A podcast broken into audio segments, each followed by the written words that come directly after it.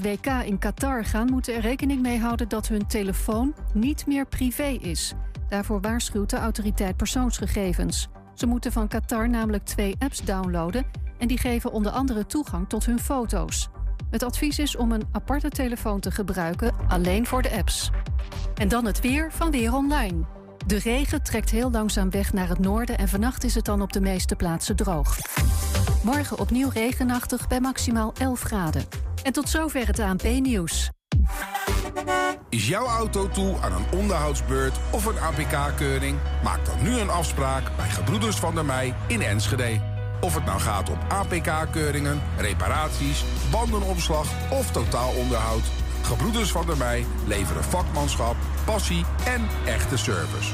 Je vindt ons aan de Lonnekerbrugstraat 80 in Enschede. Werken, wonen of studeren in Duitsland? Wat zijn dan de consequenties? Laat je gratis voorlichten bij het grensinfopunt van de Euregio. Kijk op www.gipeuregio.eu. Maak ook een afspraak om jouw situatie te bespreken. Thema beveiliging staat voor betrokkenheid, adequate optreden en betrouwbaarheid. Waar de concurrent stopt, gaat thema beveiliging net een stap verder. Thema Beveiliging levert alle vormen van beveiliging voor zowel de zakelijke als de particuliere markt. Thema Beveiliging, de beveiligingsorganisatie van het Oosten.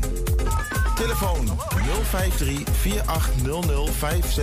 of stuur uw e-mail naar info.themabeveiliging.nl Ook ik rij op autobanden van Gebroeders van der Mei. Vind ons aan de Lonnekerbrugstraat 80 in Enschede.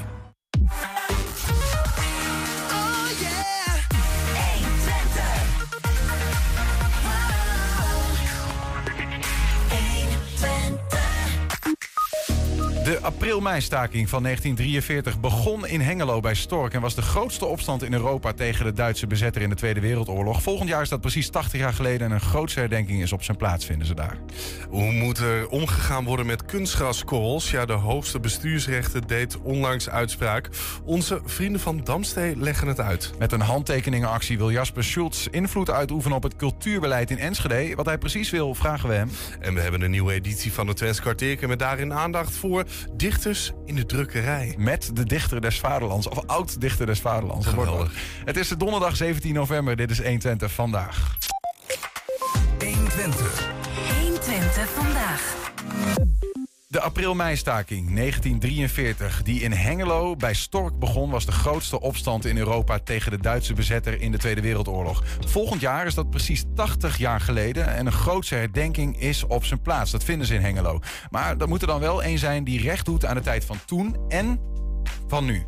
Daarom nam Antek Olsanovski initiatief voor een grote muziektheaterproductie op 6 april volgend jaar, die ook jongeren aanspreekt in hun eigen school. Over een kleine vijf maanden staan hier ruim 100 koorleden op de trappen van het ROC. Het wordt een groot muziektheater waarin het verhaal van de april-meistaking wordt verteld. Een fictief verhaal rondom een Joodse jongen... die hier de Tweede Wereldoorlog heeft meegemaakt hier in, de, in deze gieterij. Die terugkijkt op zijn leven, zeg maar, in, in 2022. En dat is geladeerd en omlijst met muziek... door een groot koor van on- ongeveer 120 mannen en vrouwen... en een aantal solisten. Ik hoorde je al even hier wat roepen in de ruimte en een beetje klappen. Is de akoestiek goed? Ik denk het wel. Het is wel vrij ruim. Het is groot, maar het is niet al te galmerig. Dus het kan eh, voor de balans tussen koor en orkest denk ik goed zijn. Maar dan moeten we gewoon ook uit gaan proberen. ligt een beetje aan de grootte van het koor straks, de grootte van het orkest. En eh, of we nog microfoons moeten gebruiken, enzovoort, enzovoort. Maar dat gaan we uitproberen. Vandaag zijn alle betrokkenen voor het eerst bij elkaar. Ze vinden het belangrijk dat de staking, 80 jaar na dato, uitgebreid wordt herdacht. De staking begon bij Stork, de plek waar nu het ROC is gehuisvest. Een dag later staakten honderdduizenden Nederlanders mee. De Duitsers reageerden niet zonziend. Stakers werden geëxecuteerd en er vielen 200 doden. Ja, dat is een stukje van de reportage van de collega's van RTV Oost over de kick-off die vanmorgen plaatsvond in eh, de gieterij in, eh, in Hengelo, waar het allemaal gaat plaatsvinden. Antek Olsenowski, zag hem al even voorbij komen, is bij ons aangeschoven. Welkom. Dankjewel. Sperrstunde Freedom. Zo gaat de productie heten. Hengelo Heroes 1943. Zo Als- gaat die heten. Als, als, Ja. als ondertitel. Ja, ja. Ja, dan hebben we het helemaal. We hebben het helemaal, precies. Ja. Waarom moest hij er komen? Hij moest er komen omdat het een, een vergetings, vergeten staking is. En het is eh, eh, be- belangrijk om elke dag weer, niet elke dag, maar toch dat elke generatie weer stilstaat bij de verschrikkingen van het verleden. Mhm. Want je moet, ik zal maar zeggen, het verleden moet je kennen om het heden te kunnen duiden. Wij denken vaak dat, er, dat het verleden iets is van heel ver weg. Maar het verleden is van elke dag. Wat toen, eh, eh, er kwam toen een bezetter, die viel het Nederland binnen. En, des, en vandaag de dag zien we de bezetters in het oosten van Europa Ja. binnenkomen vallen. Mensen veranderen wat dat betreft niet zo heel veel. Nee, nee, klopt. klopt. Ja. Ja. En er zijn er toch een aantal, aantal, aantal bevolkingsgroepen die zijn daar behoorlijk de klos van. Je, je wil ook eh, om, om die reden denk ik ook jongeren gaan betrekken in hun eigen omgeving. Komen we zo nog op. Maar misschien even wat je noemt net vergeten staking. Ja, klopt. Ehm, hoezo? Nou, weet je, de februari-staking, die kent natuurlijk iedereen eh, in Nederland. En in alle annalen en geschied, geschiedenisboeken, daar staat die eh, februari-staking breed uit, uitgemeten. Ja. Maar deze, die vond plaats in het oosten van het land. En dat is toch altijd een beetje een andere plek dan de Randstad is.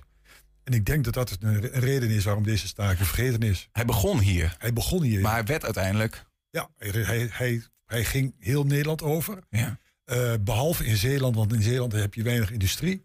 En bijvoorbeeld in Noord-Nederland werd hij de melkstaking genoemd. Maar dat is wel wat er gebeurd is. Ja, hij begon in Twente. En er was een aantal, aantal dames van de, van de telefonie, telefoniecentrale Stork. Die, die hebben destijds eh, een rondje door Nederland gebeld. En mensen opgeroepen om het werk neer te leggen. En dat gebeurde massaal.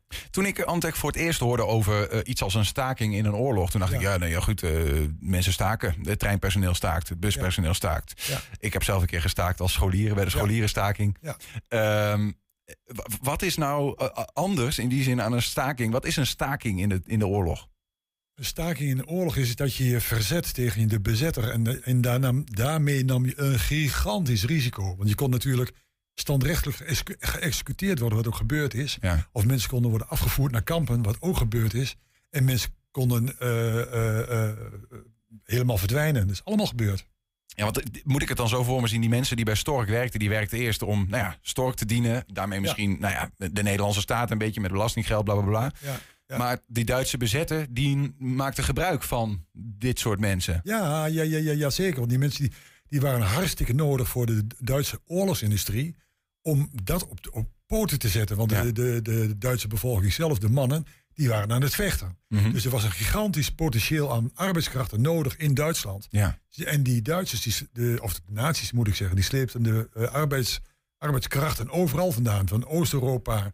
Zo is mijn moeder Oekraïense in eh, Duitsland terechtgekomen. Mijn vader Paul, die, is, die was weliswaar eh soldaat maar, en, en gevangen gezet. Maar moest wel werken. En dat is dus Allemaal gastarbeiders. allemaal gastarbeiders. Ja, Ja. ja. Ja, gastarbeiders is nog een net, net woord. Slaven. Slaven. Of tot Ja. slaafgemaakte zouden we in deze tijd slaaf gemaakt, zeggen. Ja, ja. Zo erg was het. Zo erg was Maar die mensen die bij Stork werkten, voelden die zich ook een tot slaaf gemaakte? Of Nou. werkten die gewoon zoals ze dat normaal deden, alleen nu gingen hun producten ergens anders naartoe? Ja, ze werkten zoals ze. Ja, dat klopt wat je zegt. Ze werkten zoals ze het normaal deden. En ze merkten daar niet zo heel erg veel van, van- in die zin. Want kijk, de, de, de omgeving, of de, die tijden waren natuurlijk toch bar en boos. Je had de crisistijd achter de rug. Ja. De jaren 30. En dat ging net iets beter. En toen kwam de Tweede Wereldoorlog. Dus je dacht dat je daar, je dacht dat je een enige mate van vrijheid had. Maar dat stond nog allemaal in de kinderschoenen. Die vrijheid die heeft zich pas ontwikkeld na de Tweede Wereldoorlog. Ik heb wel eens begrepen dat, dat Stork zelf het liever geen staking noemt. Klopt. Klopt, want in- het was geen staking gericht tegen... Kijk, een staking is iets als je het met je, met je werkgever niet eens bent. Hè? Ja. Over salaris of over collectieve voorzieningen en dergelijke. Maar dat was hier niet aan de orde. Want de werkgever die had wel begrip voor deze staking... omdat die gericht was tegen de Duitse bezetter. Daar was die staking tegen gericht. Ja. Dus in die zin is het niet, niet echt een staking. Is, is, is ehm, ja, we, we zien hoe groot het risico is. Hè? Honderden mensen, wat je zei al, van ja, je, je gaat je verzetten tegen, zeg maar. Eh, Kan een volk eh, bepalen, hier, de oorlog stopt hier? Of is zo'n staking een soort van symbool van verzet vanuit het eigen hart, maar is uiteindelijk, ja, je, je moet wel, want als er geweer tegen je kop komt, ga je gewoon verder werken. Ja, ik denk dat eh, er eh, toch internationaal een aantal voorbeelden zijn geweest waarbij de bevolking zich massaal ge- gekant heeft tegen de, eh, tegen de overheid. Mhm. En dat daarmee de overhe- overheden ook gevallen zijn. Hè? Ja. Dus eh, het, uiteindelijk eh, heeft het volk altijd de macht, wat er ook gebeurt. Ja. Ja. Het is maar de, de vraag in hoeverre dat volk in staat is om, de, om, om, de, om het hele volk te mobiliseren. Ja, maar en, en, en, en we le- leven natuurlijk steeds meer in tijden waarin er steeds meer ehm, nou ja, ook wapen, wapenmacht komt te liggen, juist bij de overheid. Ja. Dat maakt het lastiger, denk ik. Ja, of dat, en of dat in het verleden ook zo was, het, eh, dat, dat weet ik niet precies. Maar ik Nee. denk dat die wapenmacht eh, in het verleden ook niet veel anders was. Ja. Eh de exclusieve recht van wapengebruik gebruik ligt bij de overheid. Ja, dat, dat is waar, maar, de, maar de, de, de, de macht van wapens op zichzelf, zoals Ja. die er nu zijn, ja, is natuurlijk groter dan, dan vroeger, toen ze met de bajonetten moesten steken, bij wijze precies. van. Hè? Ja, dat, klopt. Ja. Ja. klopt. Ja, maar je kijkt kijk nou wat er in Oekraïne gebeurt. Het is een beetje dezelfde paradox die je ziet. Waarbij een, ja, toch een relatief bescheiden klein land in ontwikkeling...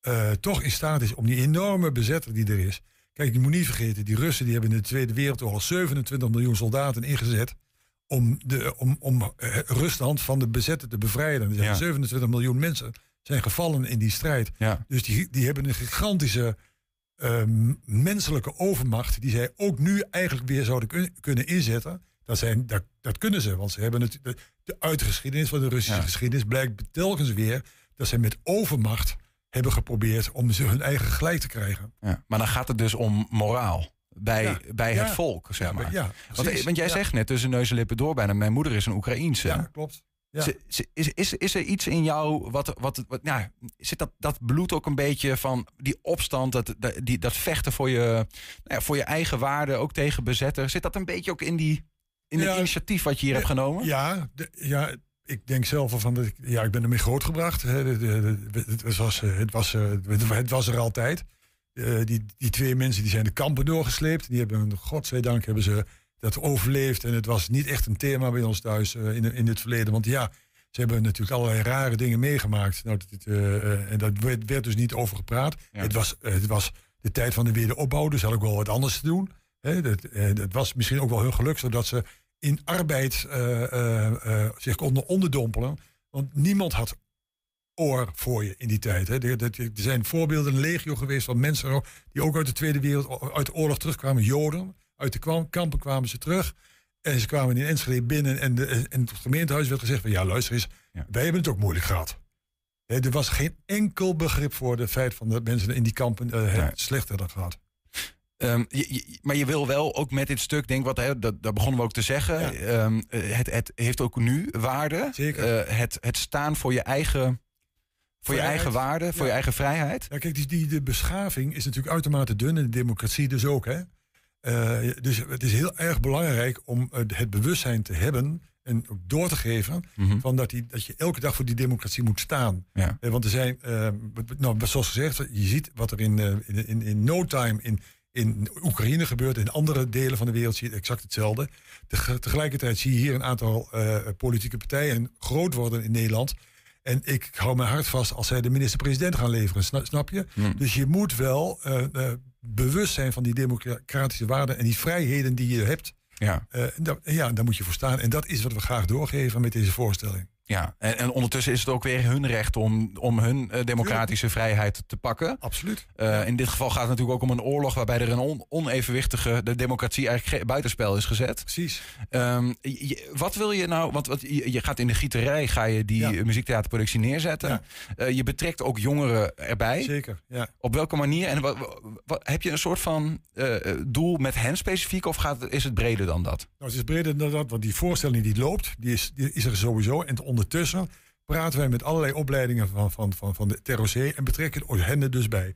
Vervol, dat is de facilitaire opleiding die organiseert een grote receptie voorafgaand aan de voorstelling. Eh, de media mensen die maken een campagne, en die doen alles voor image en dergelijke. Ja. Techniek, of me- mediatechniek zorgt voor belichting en geluid. Eh, er wordt ook de, de mediaredactie, weer een andere opleiding, die gaat een krant maken. Dus Ja.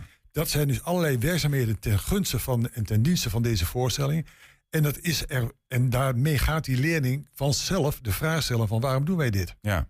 Dat is wat anders dat wij met een opgeheven vingertje gaan staan bewijzen van ja jongens, jullie moeten allemaal, allemaal goed eh, eh, moet doorspekt worden van democratische gehalte van deze samenleving en jullie eigen vrijheid daarin. Ja. Nee, dat moeten zij zelf leren ontdekken.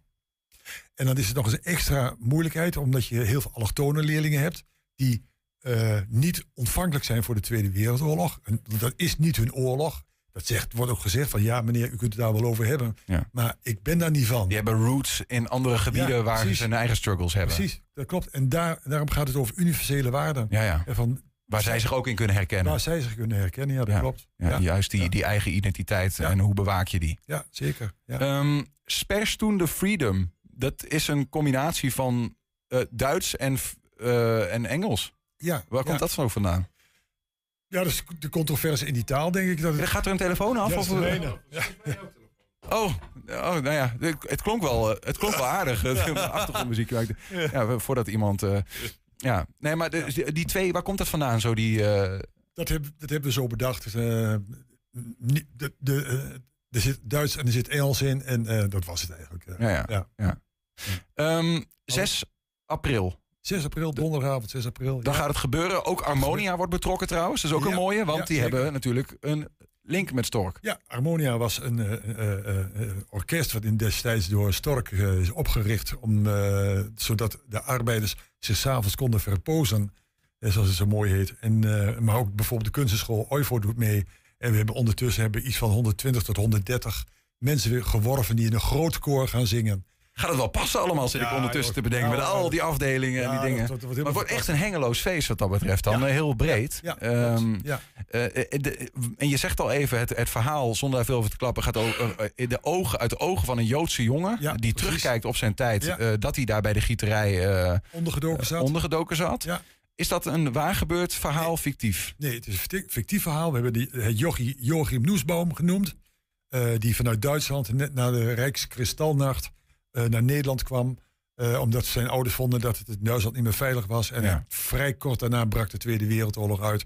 En moest hij onderduiken. En hij kwam zodoende bij Stork terecht. Als we onderdeel van dit verhaal willen worden, Antek. Als je nog, ja, buiten al die mensen die al meedoen, willen meedoen. eh, Ja. wie, zoek je nog mensen en waar kunnen ze zich melden? Eh, nou, we gaan even een, maken even een pas op de plaats. Maar ik, wat ik wel heel uitdrukkelijk nog zou willen zeggen tegen mensen die nog eh, eh, die de- deze voorstelling willen eh, meemaken, dat kan nog. Ja. De- eh, er zijn weliswaar al heel erg veel kaarten zijn er verkocht. Ja. Maar via de Schouwburg Hengelo zijn kaarten nog Hij beschikbaar. wordt maar één keer opgevoerd. Hij wordt maar één keer opgevoerd. Ja. Oké. Eén keer, maar ja. Dus. Schouwburg Hengelo. Ga eh, zorgen dat je erbij bent. Antek Precies. Ottanowski. Dankjewel dat je, dat je ons even wilde uitleggen over wat die staking betekent. En over hoe jullie dat eh, opnieuw in de verf gaan zetten. Dankjewel. Zometeen, nu de begroting in Enschede in grote lijnen rond is, kan het gepuzzel beginnen met waar het geld precies naartoe gaat. Zo wordt er onder meer gewerkt aan een zogeheten cultuurnota. We zijn ook als podcast te vinden via alle bekende platforms. 120 Vandaag vind je de hele uitzendingen of 120 Vandaag uitgelicht. Dat is elke dag één itempje. Gewoon wat mooi is, bijzonder, vreemd. Nou, hebben we voor jou op een rij gezet, uitgelicht. 120. 120 vandaag. Dan rubbergranulaat op kunstgrasvelden, oftewel kunstgraskorrels. Ze blijven de gemoederen bezighouden. Maar na een zaak tussen een groep mensen die er vanaf wil en gemeente Tilburg... is er nu een uitspraak van de hoogste bestuursrechten. Is het dan nu eindelijk duidelijk hoe ermee moet worden omgegaan? Dit is mijn uitspraak en daar moet u het mee doen. Rechtspraak met Damstee Advocaten. Bestuursrechtadvocaat Brand Peters is bij ons om ons eh, bij te schijnen hierover. Brand, welkom. Dankjewel. Wat is er, eh, misschien om daarmee te beginnen, wat is er mis met kunstgraskorrels? Ja, dat is, eh, dat is een goede vraag. Ehm, kijk, die kunstgraskorrels, er is niet per definitie iets mis met kunst- kunstgraskorrels. Het gaat hier om eh rubber kunstgraskorrels. En die, ehm, die kunstgraskorrels die zijn gemaakt van rubbergranulaat. En rubbergranulaat, ehm, dat ligt op het kunstgras. En die zijn gemaakt van autobanden, oude autobanden. En op zo'n kunstgrasveld liggen misschien wel eh, 20.000 oude auto- autobanden. Goedemiddag. En die, ja, Ja, dat is veel, ja. ja, en die, ehm, die korrels, die zijn een bodemvreemde stof, dat rubber. En ehm, in een bodemvreemde stof, die zijn dus eh, niet natuurlijk. En ehm, het gevaar is dat daar bodemverontreiniging van plaatsvindt. Dus dat dat slecht is voor het milieu. Dat kan in het water trekken. Bijvoorbeeld een grasveld wat naast het eh, kunstgrasveld ligt. En dat kan heel slecht voor het milieu zijn. Mhm. En eh, Nou ja, nu is er dus een stichting die daar een, een punt van heeft gemaakt bij de hoogste bestuursrechten. Want dit, dit is al, al, al langer een, een ding. Ik geloof dat in 2019 zelfs in Enschede uh, Sportaal, de beheerder van de kunstgrasvelden, op de, op de vingers werd getikt. Van hè, je, je, je beschermt de, kunst, de kunstgraskorrels niet genoeg. Ze, gaat, ze raken buiten je velden en zo. Um, wat is er eigenlijk in de loop van de tijd uh, gebeurd in dat opzicht? Want ooit hebben ze blijkbaar een goed idee gevonden. Ja, ooit is het een goed idee gevonden. Want het komt, um, voornamelijk komt dat omdat met die kunstgraskorrels uh, blijf je het dichtst bij de realiteit van een echt grasveld. En dat is natuurlijk wat een, uh, een eigenaar van zo'n sportveld die wil. En um, dus daarom zijn ze begonnen met die, met die, met die rubberkorrels. En um, toen zijn ze er destijds zijn de onderzoeken, uh, want volgens mij is in 2016 is er al een uitzending van Zembla aangeweid. En toen hebben bezorgde ouders van spelers die op het kunstgrasveld spelen, nou, die zijn, um, die zijn meldingen gemaakt. En er, zijn, er is er vervolgens door het RIVM onderzoek gedaan in 2018. En daar bleek inderdaad uit dat um, door uitwaaiing van die korrels of wat dan ook, want je moet je voorstellen dat die korrels die worden erin gelegd, dan ligt er tien jaar zo'n veld. Alleen er moet ook bijgestrooid worden. Dus ja, je vraagt je af, waar blijven die korrels dan? Ja, ja, ja die ja. moeten dan ergens terechtkomen. Die moeten ergens terechtkomen. Die gaan niet op in de, in de lucht. Nee, en toen blijkt er dus inderdaad uit onderzoek... dat die korrels zich uh, verplaatsen tot uh, een grasveld uh, naast het veld bijvoorbeeld. Ja. Dat trekt in de grond. En daar zit bijvoorbeeld de, de stof zink in. En zink is, is erg slecht voor het milieu. Ja. En... Um, maar die ouders die gingen aan de bel trekken. Heeft het dan ook ge gezondheidsrisico's voor die, voor die kinderen bijvoorbeeld die daar sporten? Nou, dat heeft inderdaad het RIVM in 2018 uitgezocht. En het RIVM heeft daar, en er zijn ook Amerikaanse onderzoeken naar gedaan. En die hebben eigenlijk gezegd dat de gezondheidsrisico's zijn verwaarloosbaar. Dus um, de zaak waar we het nu over hebben, um, dat gaat niet over de gezondheidsrisico's, maar dat gaat echt over die bodembescherming. Ja. We moeten die, die bodem tegen, um, tegen bodemvreemde stoffen beschermen. Mhm. En dat staat hier ter discussie. En dat is dus een, een, een groep geweest die zichzelf, nou ja, de, de, die actie heet Kom van dat gras af. Ja. Dat vond ik wel een leuke. Uh, en die, die hebben uiteindelijk mot gekregen met gemeente Tilburg hierover. Ja, kijk, wat, uh, wat, die, wat die stichting heeft gedaan, dit is de stichting in Strepitus. En dan onder de actie Kom van dat gras af. Nou, een ludieke naam. En die hebben in allerlei gemeenten in, in Nederland hebben zij uh, handhavingsverzoeken ingediend. En zo'n handhavingsverzoek is eigenlijk um, van hé hey, gemeente, jullie moeten hierop handhaven. Jullie moeten toezien dat die, dat die zorgplicht wordt nageleefd. Maar misschien goed om even te vertellen. Um, we hebben het hier over de wet bodembescherming. Ja. En die wet bodembescherming die bevat een zorgplicht. Dat is artikel 13 van de wet bodembescherming. En in die zorgplicht staat eigenlijk, als jij eigenaar bent van zo'n veld in dit geval, moet jij er alles aan doen dat er geen bodemverontreiniging plaatsvindt.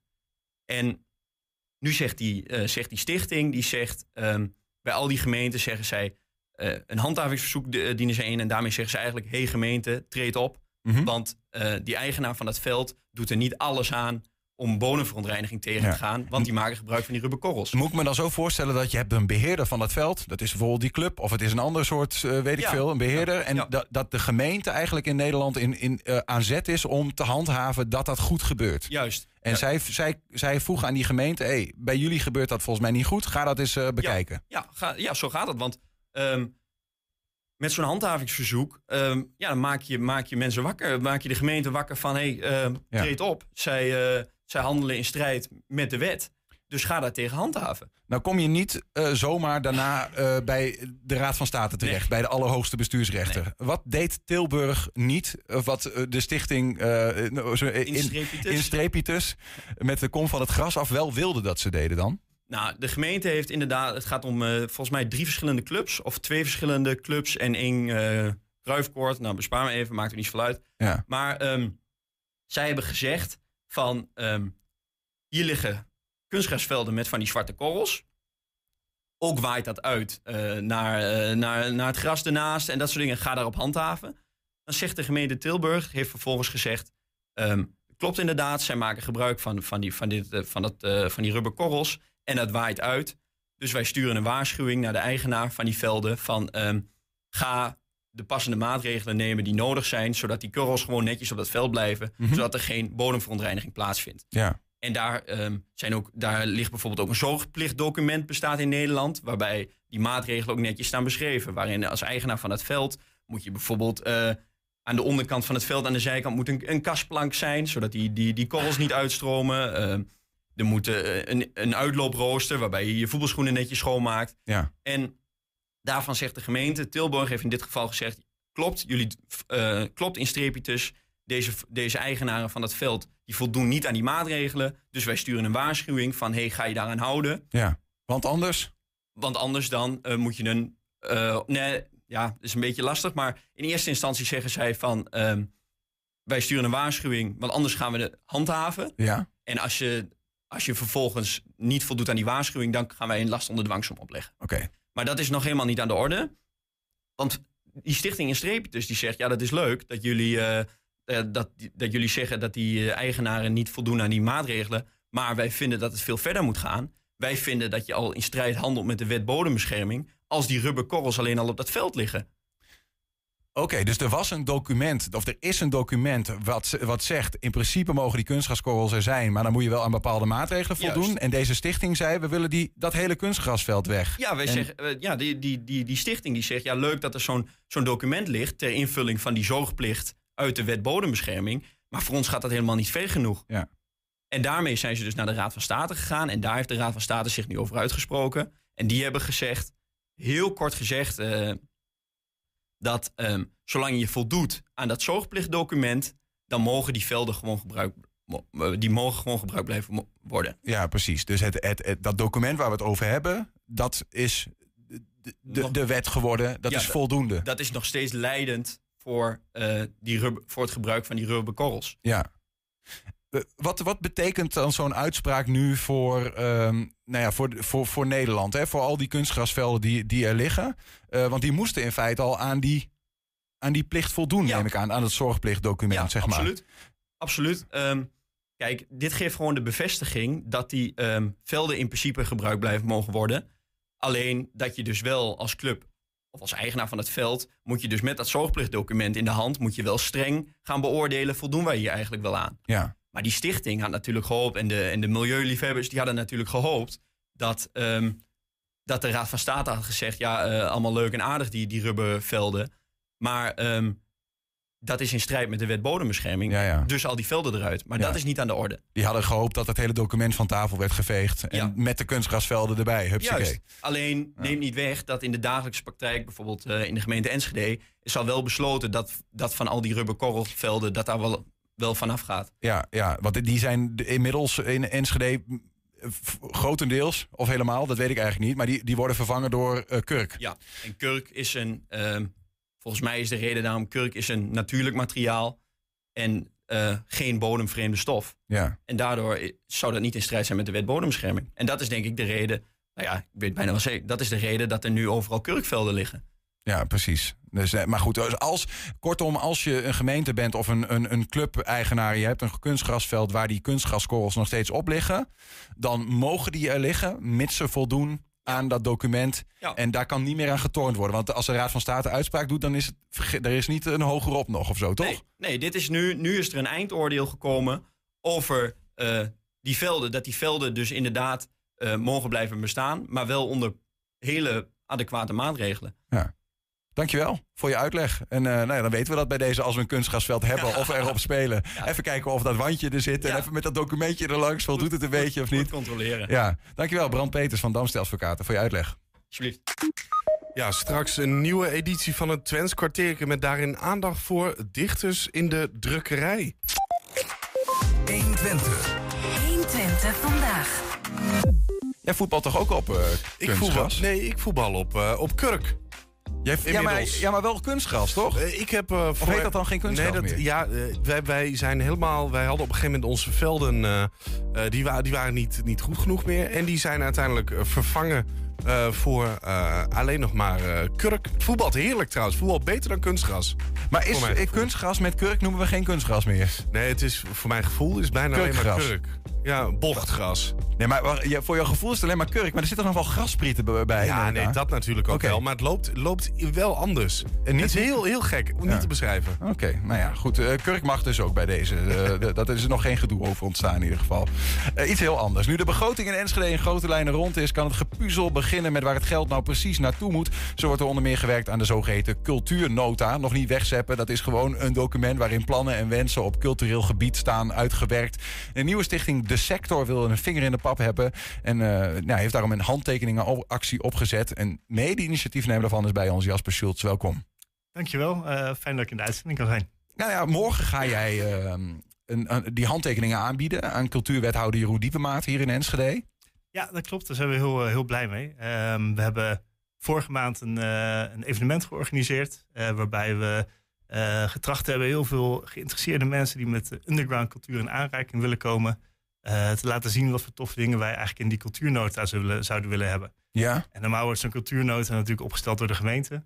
En wij dachten, uh, als underground Enschede willen wij laten zien welke dingen wij graag in die cultuurnota Juist, willen hebben. Vanuit de underground komt het Juist, nu een beetje bovenground. Juist, eh, wat juist. dat betreft. En, Ja. daar, hebben we eigenlijk de sector voor in leven geroepen als een soort eh, overlegorgaan. Als eh, eigenlijk een manier om eh, die wensen vanuit de underground eh, naar de gemeente te etaleren. Ja. En ook te laten zien wat er eigenlijk binnen de gemeente ha- te halen is voor allerlei activiteiten die in de underground plaatsvinden. Oké, wacht even Jasper. Want ik weet dat er nu mensen zijn die luisteren of kijken en zeggen... waar heeft die man het over? Ja, Een ja. underground. Waar zitten jullie eh, in een gangenstelsel of zo? Wat, wat is dat?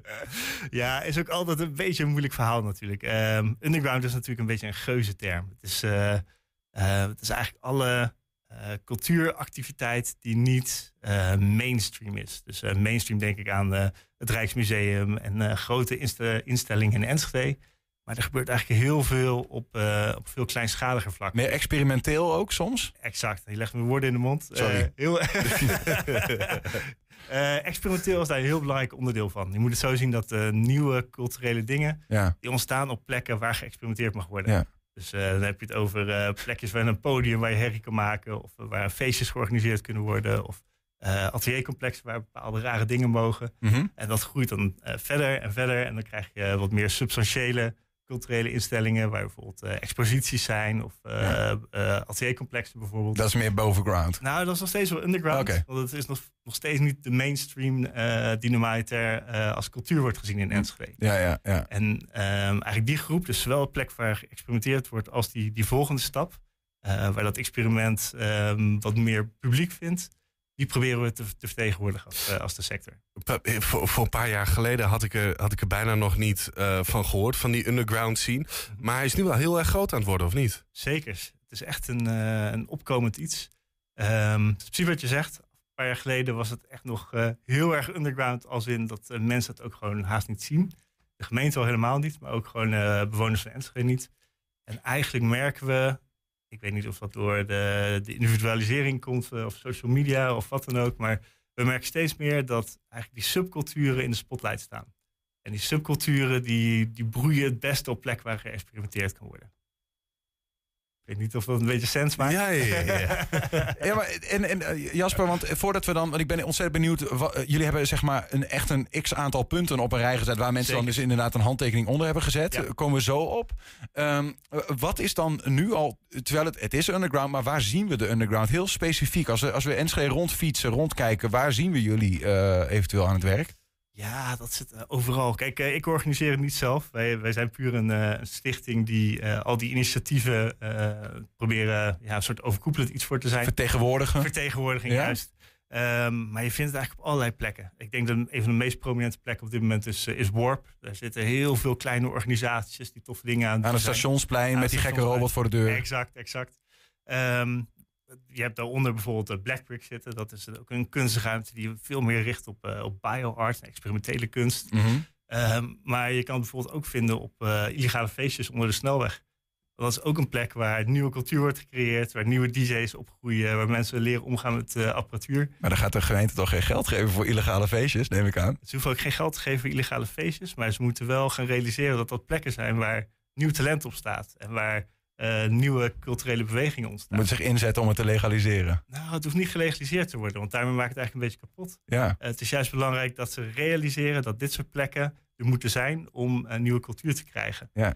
Oké, okay, maar dat, dit, dit moeten we gaan. Feestje, dat is een goed voorbeeld. Ja. Uh, een illegaal feestje moet je juist met rust laten. Dan moet je juist zorgen dat dat niet gelegaliseerd wordt of dat dat niet kan. Ja. Moet je juist de gang laten gaan. Ja, maar dan gaat dan het, ja, dan gaat natuurlijk niet. Ja, kijk, als het illegaal is, dan ga je zegt dat tegen de gemeente, dan hebben zij natuurlijk de plicht om te zeggen van nee, dat mag eigenlijk niet. En, uh, maar jij zegt dan eigenlijk la, laat het gedoog het. Ja, Zorg dat het er is. Realiseer vooral dat dit soort plekken uh, misschien overlast geven, ja. maar dat er ook uh, hele belangrijke dingen als side product uitkomen. Dat is alvast een van de punten die daar mogelijk op staan op dat lijstje, of niet? Nou, de, de, er zijn wel een paar punten die hebben ermee te maken. Oké. Okay. Dus, om, om misschien zo meteen bij die punten te komen, ja. vroeg ik mijzelf nog heel erg af. Als jij uit dat cultuurfonds voor de underground zeg maar geld wil halen, maak je dan, als dat op een gegeven moment erdoor komt, de underground niet mainstream? Juist hetgene wat je niet wil zijn, wat je dan uiteindelijk wel wordt. Ja, dat, dat risico is natuurlijk altijd. Kijk, op het moment dat wij ons profileren als underground. Um, en ik zie wel wat jij ook ziet, hè, het wordt steeds, het spreekt steeds meer in het oog. Dus op een gegeven moment wordt het vanzelf mainstream. Um, dus dat underground ding is ook niet het belangrijkste. Ik denk dat het belangrijkste is dat er structuren gaan ontstaan waarbij die culturele waarden die ontstaan in de underground steeds meer uh, geaccepteerd worden en gezien worden voor wat het is. En als dat straks mainstream is, dan is dat nog steeds belangrijk. Je hebt nog steeds experimenteerplekken nodig. Plekken om door te groeien, plekken om te laten zien wat er gebeurt. Maar wordt dat te weinig gezien dan, Jasper? Want ik, ik, ik uh, um, herinner me dat ik hier een gesprek had met uh, de nachtburgemeester. Met een raadslid uit Enschede dat zich hard wil maken van de grootste partij in Enschede. Barry Overing van Burgerbelangen. En met Colin Vaneke, die, die kartrekker is van de creatieve broedplaats in Twente. waarin al die initiatieven die jij net noemt.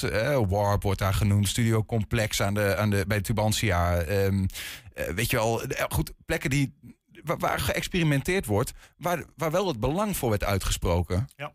ja, we merken ook dat het wel steeds meer op de kaart komt te staan. En um, uh, de cultuurnota is iets dat wordt, vier, wordt voor vier tot acht jaar wordt dat vastgelegd. de vorige cultuurnota komt uit 2012.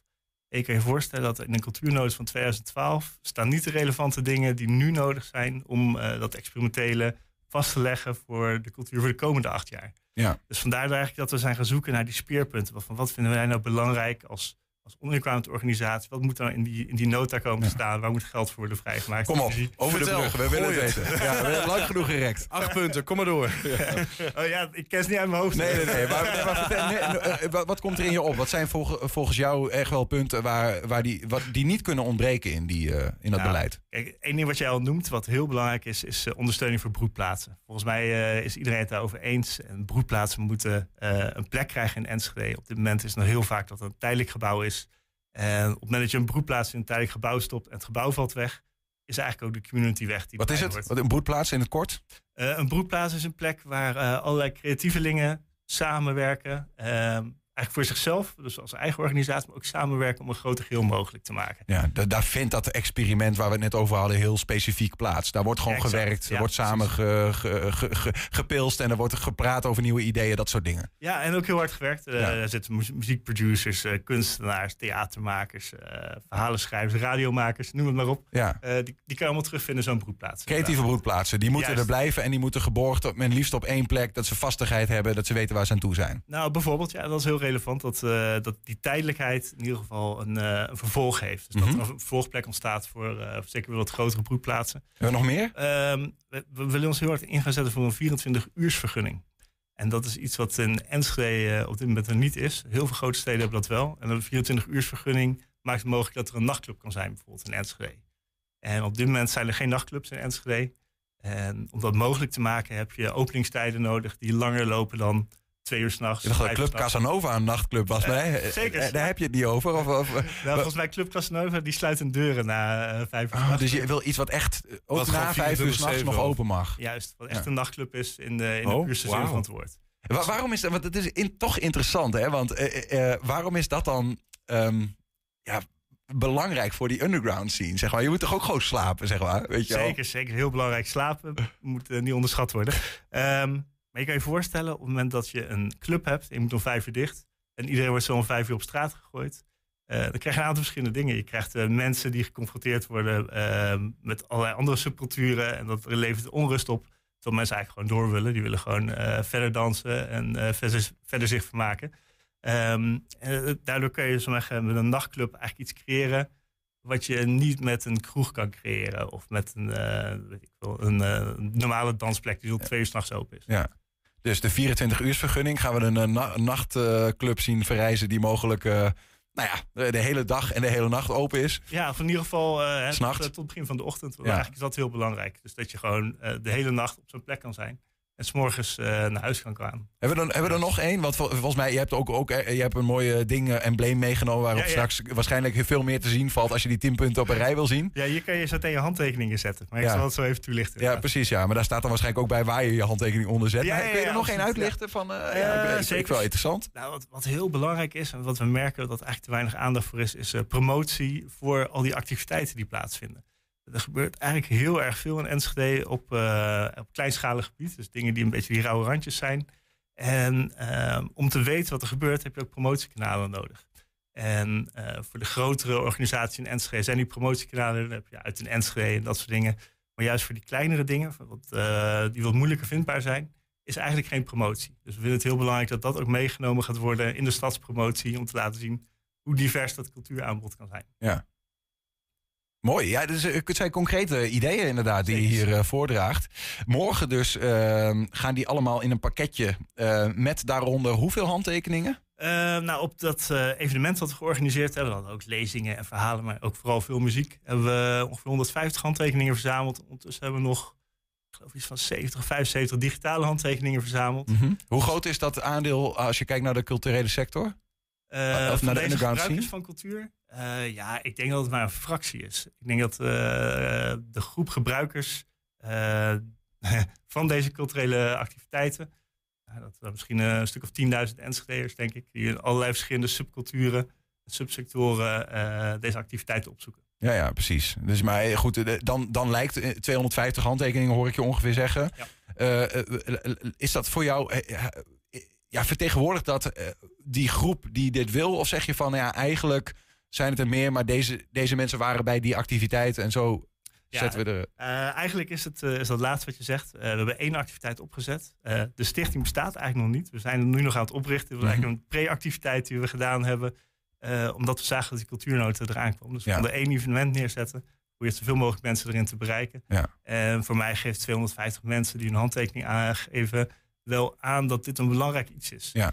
Eh, het is ik denk ik 240 meer dan normaliter voor politieke programma's of politieke doeleinden. en Ja, daar, daar, zeg, daar zeg je wat. Dat is ook waar. Ja, tenzij het over bijvoorbeeld eh, afvalwater in Noordoost-Twente gaat, dan hoor ik heel Eh, veel. is Maar, een ding, ja. Ehm, eh, ja, maar die, volgens mij, eh, wij onderbraken toen jij begon over de sector. Misschien is het nog heel goed, eh, goed om heel even uit te leggen. Want dat is een nieuwe stichting waarbij jullie dus die, al die underground ehm, ja, eh, facetten eigenlijk eh, vertegenwoordigen om samen actie te voeren voor jullie eh, behoud en voor jullie waarden, zeg maar. Ja, eh actievoeren is misschien een groot woord. We zien onszelf graag als overlegorgaan. Dus wij Ja. proberen eigenlijk tussen al die underground activiteiten, organisatoren in te zitten en de gemeente in te zitten. Zodat we eigenlijk een soort doorgeefluik zijn. Zodat we informatie bij elkaar kunnen brengen. En kunnen zorgen dat de gemeente en die meer rauwe randjes op elkaar aangesloten raken. Ja. En dat is interessant voor de gemeente en dat is interessant voor die organisatoren. Ik ben benieuwd wat het gaat opleveren, Jasper. Eh, ook, maar ja. laten we eerst nog even dat bord omhoog houden. Want dan weten mensen in ieder geval waar ze terecht moeten als ze mee willen doen. Daar in de hoek zit een camera. daar, daar staat hij. Kijk, we kunnen het een beetje zien. Dus het is eh eh desector.nl slash petition. Dus in het Engels. En daar eh, kan je naartoe gaan. Kan je de acht speerpunten lezen en kan je handtekening zetten. Eh, het is in het Engels, want het heel belangrijk om heel inclusief te zijn. En dat ook internationale studenten, internationale bewoners van Enschede eh, hier toegang tot vinden. Ja, dus vandaar eh, maak je je hard voor de creatieve eh, inborst van Enschede. En op, het, op de allerlaagste, als in underground niveau, van bottom-up, zeg maar, experimenten, dat Ja. soort dingen. Dan ga je even kijken. Er staan waarschijnlijk ook alle punten op een rijtje. hè? Zeker, absoluut. Ja. Ja. Jasper Schulz, dankjewel. En succes morgen met het uitdelen van die handtekening aan Jeroen Diepema, de cultuurwethouder. Dankjewel. Ja, zometeen, eh, eh, of zometeen gaan we naar Twee kwartier. Ik ga je eerst vertellen dat je ook als je een tip hebt onze redactie kan bereiken. Dat kun je doen via info.120.nl 120. 120 vandaag. Niels. Julian. Ik heb wat leuks. Als jij je koptelefoon even op wil zetten. Oh, ik zet een koptelefoon Ja, komt-ie? Komt-ie? Even goed luisteren, hè? Een mooi streektaal, vind ik mooi. Twents kwartierken. Nou, hé. Hey. Ja, we, we, we hebben Applaus voor de vormgever. Ja, de vormgevers zijn hartstikke druk geweest. Wel even door Ja, dan. wat- wat denk je van een Ernesto? Geweldig. Is, eh, magisch. Wil je hem nog één keer? Nog één keer nog. Komt-ie. Een mooi streektaal, vind ik mooi. Twents kwartierken. En dat Vinkers dat gewoon voor ons doet, hè? Ja, ah, mooi, dat hè? is toch eh, Ja, fantastisch. ja, ja, dat ja, is, is ook eens niet doen. Ja. Je hoort de stem van de vrouw waarmee ik laatst ook nog een stukje underground heb eh, betreden. Eh, Oh, dat klopt ook, eh, Bij, toen ik eh, was. althans, we gingen niet naar binnen, maar we zaten er wel bij, hè, bij de Spacebar. Ik Ja. hoor net dat dat underground is waar wij waren. Oh, Ja. oh, mogen we dit wel, eh, wel publiekelijk eh, bekendmaken? Ja, weet ik eigenlijk niet. Maar er zijn geen dingen gebeurd die daglicht niet kunnen dragen. wel. En, en, en, en, en- en, en wie heeft de, de baas ook vragen, hè? Van, eh, mag dit? ja, zo is het maar net. Ja. En bovendien... En ik heb jullie geditcht. Ja, sorry jongens. Maar goed, we, we- we- daar gaan we het helemaal niet meer over Nee, hebben. dat hebben, we, hebben we gehad. Ehm, want we gaan even naar, natuurlijk als jij hier bent, naar de nieuwe Twentse woorden van deze week. Het Twents kwartierken. Ehm, voordat wij naar de nieuwe woorden gaan, is het goed om even het geheugen op te frissen. Vorige week in het Twents kwartierken. Wat, vorige, vorige week was je er niet, Niels? Heb je wel meegedaan? Was ik er niet? Nee, toen heb je het met nee, Wilco dat is ook gedaan. zo, dat klopt, ja. Nee, heb ik niet. Ja. Dus ik, eh, vertel mij, wat zat erin? Ja, Klaus Eum, dat was speculaaspop. alleen alleen de, de dames van de Kring voor Twentse Sprok, die zeiden het is toch Sinterklaas. Maar ja, Gooit zijn eh, familie heeft toch wel de Twentse Bibel eh schreven. Hè? Niet echt, de Bij- de Bijbel is er natuurlijk wel echt in Twents, maar dit is dus het woordenboek. Ehm, daar staat het in, dus ach, het is lokaal denk ik. Oké. Ehm, Bozem, dat is eh, schoorsteenmantel. Ja, valt niet op de kaart, dus dat past er niet helemaal op. Nee. Maar goed, Ja, dat is wel mooi. En tutzak van Tudden, van Todden, van eh, de Toddenkeel, ook van de Lompenman. Daar Ja. komt dat denk ik vandaan. Een jutezak. mooi. Mooi hè? Die juttenzak die heeft natuurlijk ook alles met de zin te maken. Ja. Uiteraard. Tutzak. En dan hadden we twee duister als woord van de week. En dat was schemering. Maar die wist ik nog, want die zat ook een keer bij die drie woorden. Ja, dat klopt, ja. Maar voor, dit, wie het nog niet door heeft, hè, Twents zijn we mee bezig. We gaan nieuwe Twentse woorden leren. Maar die koppelen we ook altijd aan eh, een thema. En ook deze week gaan we dit doen, dus straks naar de nieuwe woorden. Maar eerst even dat thema introduceren. Dat gaat over een evenement in Harbrinkhoek. Dat is namelijk eh, straks ergens eind eh, november het decor voor een heus poëziespektakel. Die gaan eind november dus verschillende dichters en poëten een bloemlezing voordragen. In onder andere streektalen, dialecten en eh, straattaal. En een van die personen die ten tonele zullen verschijnen... dat is de oud-dichter des vaderlands. En dan moet ik heel goed zeggen... Tjeerd Bruinja. Tjeerd, goedemiddag. Goedemiddag, dat zeg je helemaal goed. Nou, gelukkig. Ik was wel een beetje bang voor. Je had geoefend ook vanmiddag, hè, Eh, Niels? Ja, nee, want Tjeerd is een, is een Friese naam, want jij dicht ook in het Fries, toch? Ja, ik schrijf in het Fries en eh, in het Nederlands. Kijk aan. In het Fries en in het Nederlands. Maar er wordt een middag, begrijp ik, rondom het Twentse dialect... en de eerste bloemlezing van de Nederlandse poëzie. Ja, dat klopt. Ik heb een bloemlezing samengesteld toen ik eh, in 2019 dichter des Vaderlands eh, werd. Daar heb ik drieënhalf jaar over gedaan. Ehm, en dat is een bloemlezing met eh, dialecten en streektalen, met straattaal, maar ook met andere talen waarbinnen, waarin wordt geschreven binnen het koninkrijk. Dus de Antillen en Suriname valt er ook een bepaalde tijd valt het nog eh, binnen. En wat is een bloemlezing? Een bloemlezing is een verzameling gedichten. Meestal van verschillende dichters, maar het kan ook een bloemlezing zijn uit het werk van eh Herman Vinkers bijvoorbeeld zou kunnen. Ja, ja. En hoe selecteer je? Want dat- is een verzameling, dus je selecteert. Waar, waar kijk je dan naar eh, in, in jouw bloemlezing in dit geval? In mijn geval, bijvoorbeeld bij dialectgedichten denken mensen vaak, oh dat is heel nostalgisch en zo. Eh, maar dat hoeft helemaal niet. Eh, dus als er dialectgedichten zijn waar iets moderners in voorkomt, dan kan het heel goed zijn dat, ik, dat dat mij opvalt en dat ik juist dat erin plaats. Maar er zijn ook gedichten eh, over, van mensen met een boerenachtergrond of ouders die boer waren of opa en oma. En als, er, als daar iets heel mooi, mooie zinnen in staan, ja, dan, dan neem ik dat op. Hey, en Tjeerd, je hebt drieënhalf jaar, hoor ik jou net zeggen, gedaan om die bloemlezing samen te stellen. Hoe lang wordt die middag daar in Harbrinkhoek? Ja, die begint om, begint om drie uur en dan gaan we door tot zes uur 's ochtends, denk ik. Nee, duurt dat zal, vier eh, dat zal, het begint om drie uur en eh, dat zal een uur of twee eh, zijn, denk ik, met een, met een borreltje na afloop. Ja, en eh, hoe lang ga je dan zelf eh, voordragen? Of wordt dat door verschillende mensen eh, voorgedragen? Ja, kijk, ik ben de samensteller van de bloemlezing. En uh, de, dus het is, uh, ik moet niet al te lang aan het woord. Maar ik zal wel iets in het Fries voorlezen. Omdat er ook een aantal Friese dichters in de bloemlezing staan. Ja. Friestalige gedichten. Um, ook een aantal talen binnen Friesland die, die niet Fries, Friestalig zijn. Hoe, ja, hoe zeg je dat? Stellingwers is een Neder-Saxische taal. Je hebt ook het Beelds. Je hebt het Kolmer Pomsters. um, en uh, ja, verder zijn er andere dichters die voorlezen. Dus in het Achterhoeks En in het uh, Twents. En uh, misschien is er nog wel een klein beetje Nederlands te horen. Zit er ook um, het al, allerbekendste Friese gedicht, zit die er ook in? Wel, wat is het bekendste Friese gedicht? Ja, je gaat het niet doen toch, Niels? Boeterbrie en oh, green het siers. Wat toch net zessen ja? ken, is geen oprechte Fries. Ah, jij mag de grens over. Bij jou, oh, sorry, dat is niet goed, hè? Mijn moeder is Fries, vandaar dat ik hem ken. Maar dat is het enige ah. Friese gedicht dat ik ken. Um, dat gebeurt dus Friese gedichten, maar ook uh, gedichten van over, uh, over zee zelfs, hoor ik je zeggen. Um, ja. uh, gedichten uit Twente gaan we ook zien? Zeker, ja. Er zit een, er zit een heel groot deel Neder-Saxische poëzie in de bloemlezing. Dus Gronings, Drents, Twents, Achterhoek. Welke, welke taal, streektaal, dialect um, is het beste met poëzie? Ja, Fries natuurlijk. Geheel onafhankelijk, zegt hij dat. Ja.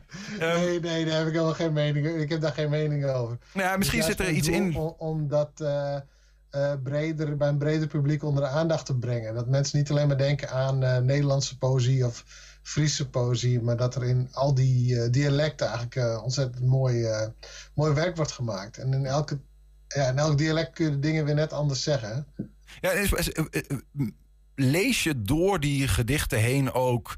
Um, de, de, zoals wij vaak zeggen, stugge uh, houding van de Fries bijvoorbeeld. Of de, de nuchtere houding van de Twentenaar. Of de, de, nou ja, wat Caribische houding uh, van, van, de, van de Surinamer of zo.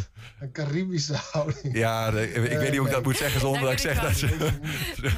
nou ja, dat. Nee, het is heel divers. Uh, dus je kunt in al die uh, dialecten, streektalen, of in het Papiaments of Sranan, wat in Suriname wordt, of Sarnami, wat in Suriname wordt uh, gesproken, kun je, daar kun je alle kanten mee op. En dat doen mensen ook. Hey, als we, we begonnen jou ook aan te kondigen als de, je zegt al, oud dichter des Vaderlands 2019. Ja. Wat, wat, wat is dat eigenlijk voor mensen die dat niet uh, kennen? Dat is de Gerrit Komrij. dat was de eerste dichter des Vaderlands, in volgens mij 2000 gekozen. Um, je bent een soort, uh, ja, een ambassadeur van de poëzie. En je schrijft uh, gedichten bij de actualiteit. Dus als er een ramp gebeurt of, uh, of als er een bekend iemand overlijdt... of iemand van het koninklijk huis. Weet je wel, dat soort dingen. Bij dat soort gelegenheden maak je een gedicht. Probeer iets te verwoorden van een nationaal gevoel, denk ik. Ja, dus nou, dat is een, een, een, grootste nobele taak, denk ik, die je daar hebt gehad in 2019. Ja, zeker.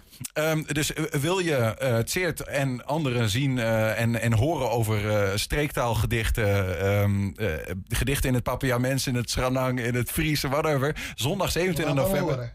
Zondag 27 november om drie uur in uh, Skizzelabo. Ik, nou, in Harberikhoek. Zoek het even op. Wat is de officiële titel waarop we moeten zoeken, Tseert? Uh, zoek maar op dichters in de drukkerij. Wat, wat betekent die titel? Dichters in de drukkerij betekent dat er een drukkerij is van Maureen uh, Elsgeest. En, uh, en daar is het in Habrinkhoek. Kijk, dichters in de drukkerij. Uh, Tseert, wij gaan uh, uh, naar aanleiding van dit thema wat je hier hebt voorgedragen... poëzie in streektaal, dialect, whatever, alles... gaan wij nu dus tw nieuwe Twentse woorden leren. Ik weet niet hoe goed jouw Twents is, maar doe je nog even met ons mee... om nou ja, aan de hand van juf Adrie met een quiz te leren wat dan het Twents brengt. nou, gezellig. Dit, dit, is, dit is het mooiste van. Komt hij nog een keer? Een mooi streektaal, vind ik mooi. Twins kwartierken. Twins kwartierken. Het blijft leuk. Ja, het blijft heerlijk. leuk. We gaan beginnen met uh, de quiz. Uh, Juf Adrie, uh, treed naar het bord of blijf zitten. Of wat je ah, doet, je blijft lekker zitten. Blijf lekker zitten, mag ook. We hebben je in beeld. Ik doe wel een beetje, ik, doe wel een beetje krang. Hartstikke goed. Dan, We beginnen met ja. woord nummer 1. Ja, ja vulderlei, denk mm -hmm. ik. Zo denk ik dat je toespreekt. Want het is ook niet voor mij, maar... Um, ja. Is dat, uh, is dat A?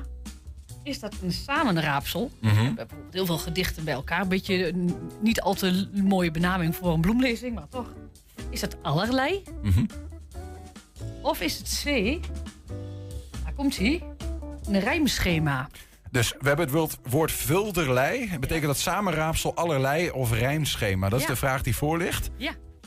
Um, boah, ik, ik, ik, ik, ik heb een gevoel, maar ik kan hem niet zo goed beschrijven. Ik weet niet, Seert, heb jij meteen dat je denkt van dat zal wel dit zijn? Ja, dat heb ik wel. Maar ik weet niet, mag ik dat dan zeggen? Of Ja, je mag, ja, ja, ik weet, als je het zeker weet, dan is het leuk om natuurlijk nog even die kaarten achter de hand te houden. Ik, ik zou zeggen zelf, eh, ik, het klinkt als, voor mij als allerlei, vulderlei. Ja, ehm, voor mij ook. Ik ga voor B. ja, voor jou ook? Eh, Julian, jij een ander idee bij? Eh, kan ik nee, winnen ik, ik, ik, kom, ik kom dus... wat kan ik winnen, vraagt hij. Eh, Wat kan hij winnen, Adrie? Wat, wat heet er voor? Een, een Friese suikerbollen. Nee, nee, Oh. nee, nee. nee. Oh, Het, het, het, het Twents voor dummies. Twents voor, Twents voor dummies, Oh, kom naar je ik toe. Als, ik als je de, meeste, de beste antwoorden, de meeste ik beste het sowieso- antwoorden ik geeft, het krijg je- sowieso waar. Oh, Dus ik nou. Ik, eh, ik, ik denk dat het een samenraapsel is. Oké, Julian gaat voor samenraapsel. Wij eh, aan Tjeerd en ik gaan voor allerlei. Laten we invullen B, allerlei. Adrie. Ja, ik moet eh, de, de, de heren eh, van de eh, B-keuze toch gelijk eh, geven. Het is eh, allerlei, want vuil is natuurlijk veel.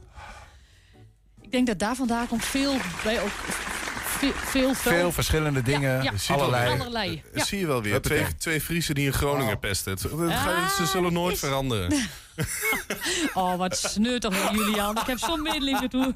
Ja, al- anderhalf Fries tegen één Groninger is het vandaag. Streppel, het woord nummer twee. Ja, dat vind ik ook een hartstikke mooi. En Streppel, hij er ooit van gehoord. Ja, oud-trainer van Willem II. Oh, Jurgen nee. Streppel. Dat, Ja, nee. dat, dat- dat ken ik niet. Is het, is het A, is het een dwarsdenker? Ja, ik- het, het heeft te maken met thema. Hè? Dat, eh, Mm. Is het een zwendelaar? Of is het C, een column? Ja. Ik, ik, ik, ik vind Column best een leuke. En, eh, maar eh, in mijn gevoel lijkt het ook zeg maar, niet een woord waar iets Twents voor zou kunnen zijn. Dus dat is een beetje waar ik mee zit. Want het zal dan met het the- thema. Ja, Ik heb hier geen flauw idee. eh, ik, ik, ik, ik weet het niet. Er is... doesn't ring any bell in een goed Twents. Ik ga voor A. A, en Ja, heb je daar ook nog een argumentatie bij? Nou, Ja, als het kijk, als je dichter des vaderlands zwendelaar We luisteren even naar het. Ja? En een column is het niet, dus ja.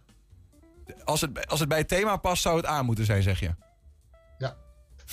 Mm, mm, mm, dwarsdenker. daar, ja, daar kan ik wel in komen eigenlijk. Ik, eh, ik ga voor dwarsdenken. Nou, ga ik voor column. Gewoon dat kan. Vullen we in Ik ben een antwoord nummer C Ja. voor Niels. Mhm. En dan is er maar één iemand die het juiste antwoord weet. Ja. En dat is Adrie. Nou, het is, het is ook column. Eh, het, het, je moet het thema wel een beetje roem hebben natuurlijk. Het gaat- over een schrijven, en doet natuurlijk gedichten en allerlei dingen. Dus ik dacht, nou, column past daar ook bij. Maar een streppel is een strook of een deel. Eigenlijk ook in de termen van grond. Een streppel grond bijvoorbeeld. Maar het is ook voor een column. Maar is dat Is omdat het het vaak zo'n strookje Zo, ja. in de krant heeft? Ja, Zo'n een ja. column? Stre een streppel. dan En het een werd geboekt in columnist? Almelo en een omstreken. streppelaar of zo? Een, eh, is dat dan een streppelaar? Oh, dat- hallo? Ja. ja, Dan kun je, dan kun je, kun je het zeer ook horen, dat scheelt. Zo werkt dat op de Ik radio. heb mijn vingers weer overal Ja. tussen zitten. Het is helemaal niet handig dit. Eh, een streppelaar. Ja, eh, wat, wat is een columnist, vraagt hij zich af. Nou, dat, dat woord besteedt volgens mij helemaal niet. Maar daar kon je er natuurlijk wel van maken. Want je hebt ook een knetterbiel en een... ehm, Nou, bieden is een streppelaar, nieuw woord bedacht. Eh, We gaan naar woord nummer drie. maar dan leg ik het voor aan Goitsen hè, van de Vliet. oh, Die nou, die vast moet er wat. wel zijn, eh, zijn eh, goedkeuring voor Ja, geven. ja, ja. Kuierkunsten. Ja. Ja, wat, wat zal dat nou weer? Is dat A, een woordspeling? Is dat B, een sneldichter? Of is dat C, een loopstoornis? Ik, ik denk dat dit A is. Kuieren is, is, is, is, eh, eh, is kletsen met elkaar. En een kunstken, als jij in een, een, een. Dat is een soort speling ergens. Een, een, een kunstje misschien wel. Dus ik, ik ga voor A. Ik, dat weet ik vrij zeker. Maar kuieren is ook wandelen.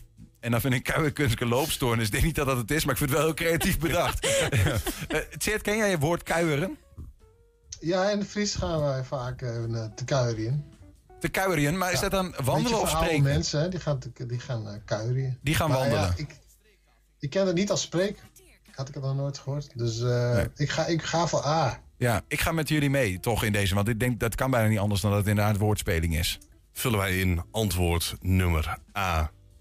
A3. Ja, jullie hebben het allemaal gehoord. Het is, het is een woordspeling, inderdaad. Maar kuien, dat, dat bedoelt hij in Twents ook wel of uh, praten met kuien. Ja, een kuienmiddag. Ah, ja, ja. Ja, Ja. ja. En, in- dus, en ze ook wandelen in het Ja, Twents, in- maar in het Fries is het Eh, toch ook in, in kuieren. het Nederlands is het ook eh, wandelen, hoor. Kuien. Kuieren. Oh, ja? Kuien, wie gebruikt Ja. kuien eigenlijk eh, gewoon als, eh, als praten? Ja, ja precies. Ja. En Voor de Twents is dat dus het uniek. Ja. Ja? Oh, ik dacht dat er nog wat kwam eh, vanuit Friesland. Maar, eh, nou. Sorry, had je mij... eh, Nee, nee, nee, ik, nee, nee, nee, zeker niet. Maar ik dacht dat, dat je nog wat wilde zeggen. En inmiddels dacht oh ik... ja, nou, ik denk misschien dat Friesen wat minder praten tijdens het wandelen. Dus, dat zou kunnen, ja. Dat is een mooie. Eh, we hebben nog één woord te gaan. Die gaan wij niet in eerste instantie beantwoorden wat het is. Maar dat gaan de mensen op straat doen. Bo gaat de straat op. Deze week gingen we weer de straat op met het Twentse woord van de week. Het woord van de week is gengel. En betekent dat A. Geeuwen. B. Doorzetten. Of C. Slenteren. Ik ga het Enschede's vragen. Woord van de week. Heeft u zin om deze te raden? Wat denkt u dat gengel betekent? A. A. Geeuwen. Ik slenteren. C? Ik heb geen flauw idee. Slenteren zou ik Slenteren? Ja. I'm gonna say it's Guven. Is that how you say it? Geeuwen. Geeuwen. Bijna, heel goed. Eh, ik denk geeuwen. Ik denk geeuwen. Geeuwen?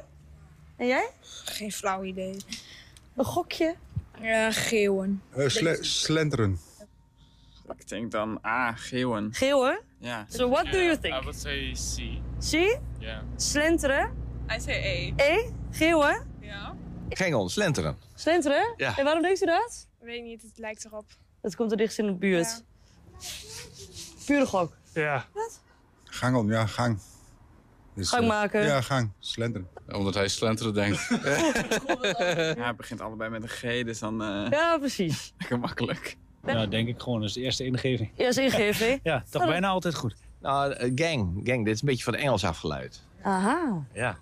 Het woordje gengel. Ik heb verschillende antwoorden gehoord. Meerdere dachten A, geeuwen. B, doorzetten heb ik niet zoveel gehoord. En C, slenteren ook best wel veel. Dus tussen A en C ligt het een beetje. hè? Nou ja, heren, wat denken jullie? Ik snap echt niet dat mensen voor A gaan.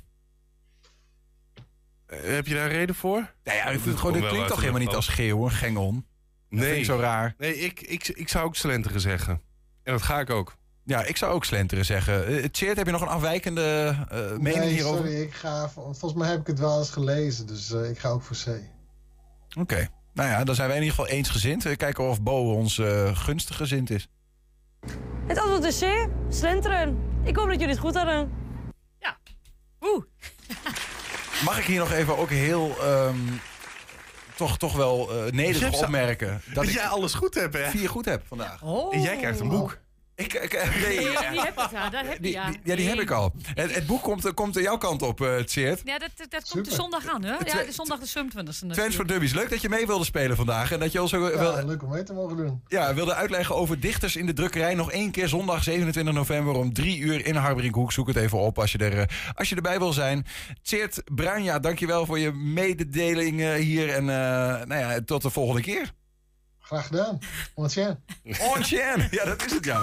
Daarmee sluiten we ook het programma af. Dit was 120 vandaag. Terugkijken, dat kan direct via 120.nl. En vanavond om 8 en 10 op televisie te zien. Zometeen gaan we naar de enige echte Zeeuw toe. Henk Ketting, de polis himself. Goedemorgen. 120. Weet wat er speelt in Twente. Met nu het nieuws van 5 uur. Ik ben Ingrid Anne Broers. Goedemiddag. Nu uitspraak is gedaan in het MH17-proces... zijn koning Willem-Alexander en koningin Maxima... in gedachten bij de nabestaanden van de slachtoffers. Uw verdriet blijft altijd voelbaar, twittert het Koningshuis. In een tweet van premier Rutte staat dat de waarheidsvinding en gerechtigheid...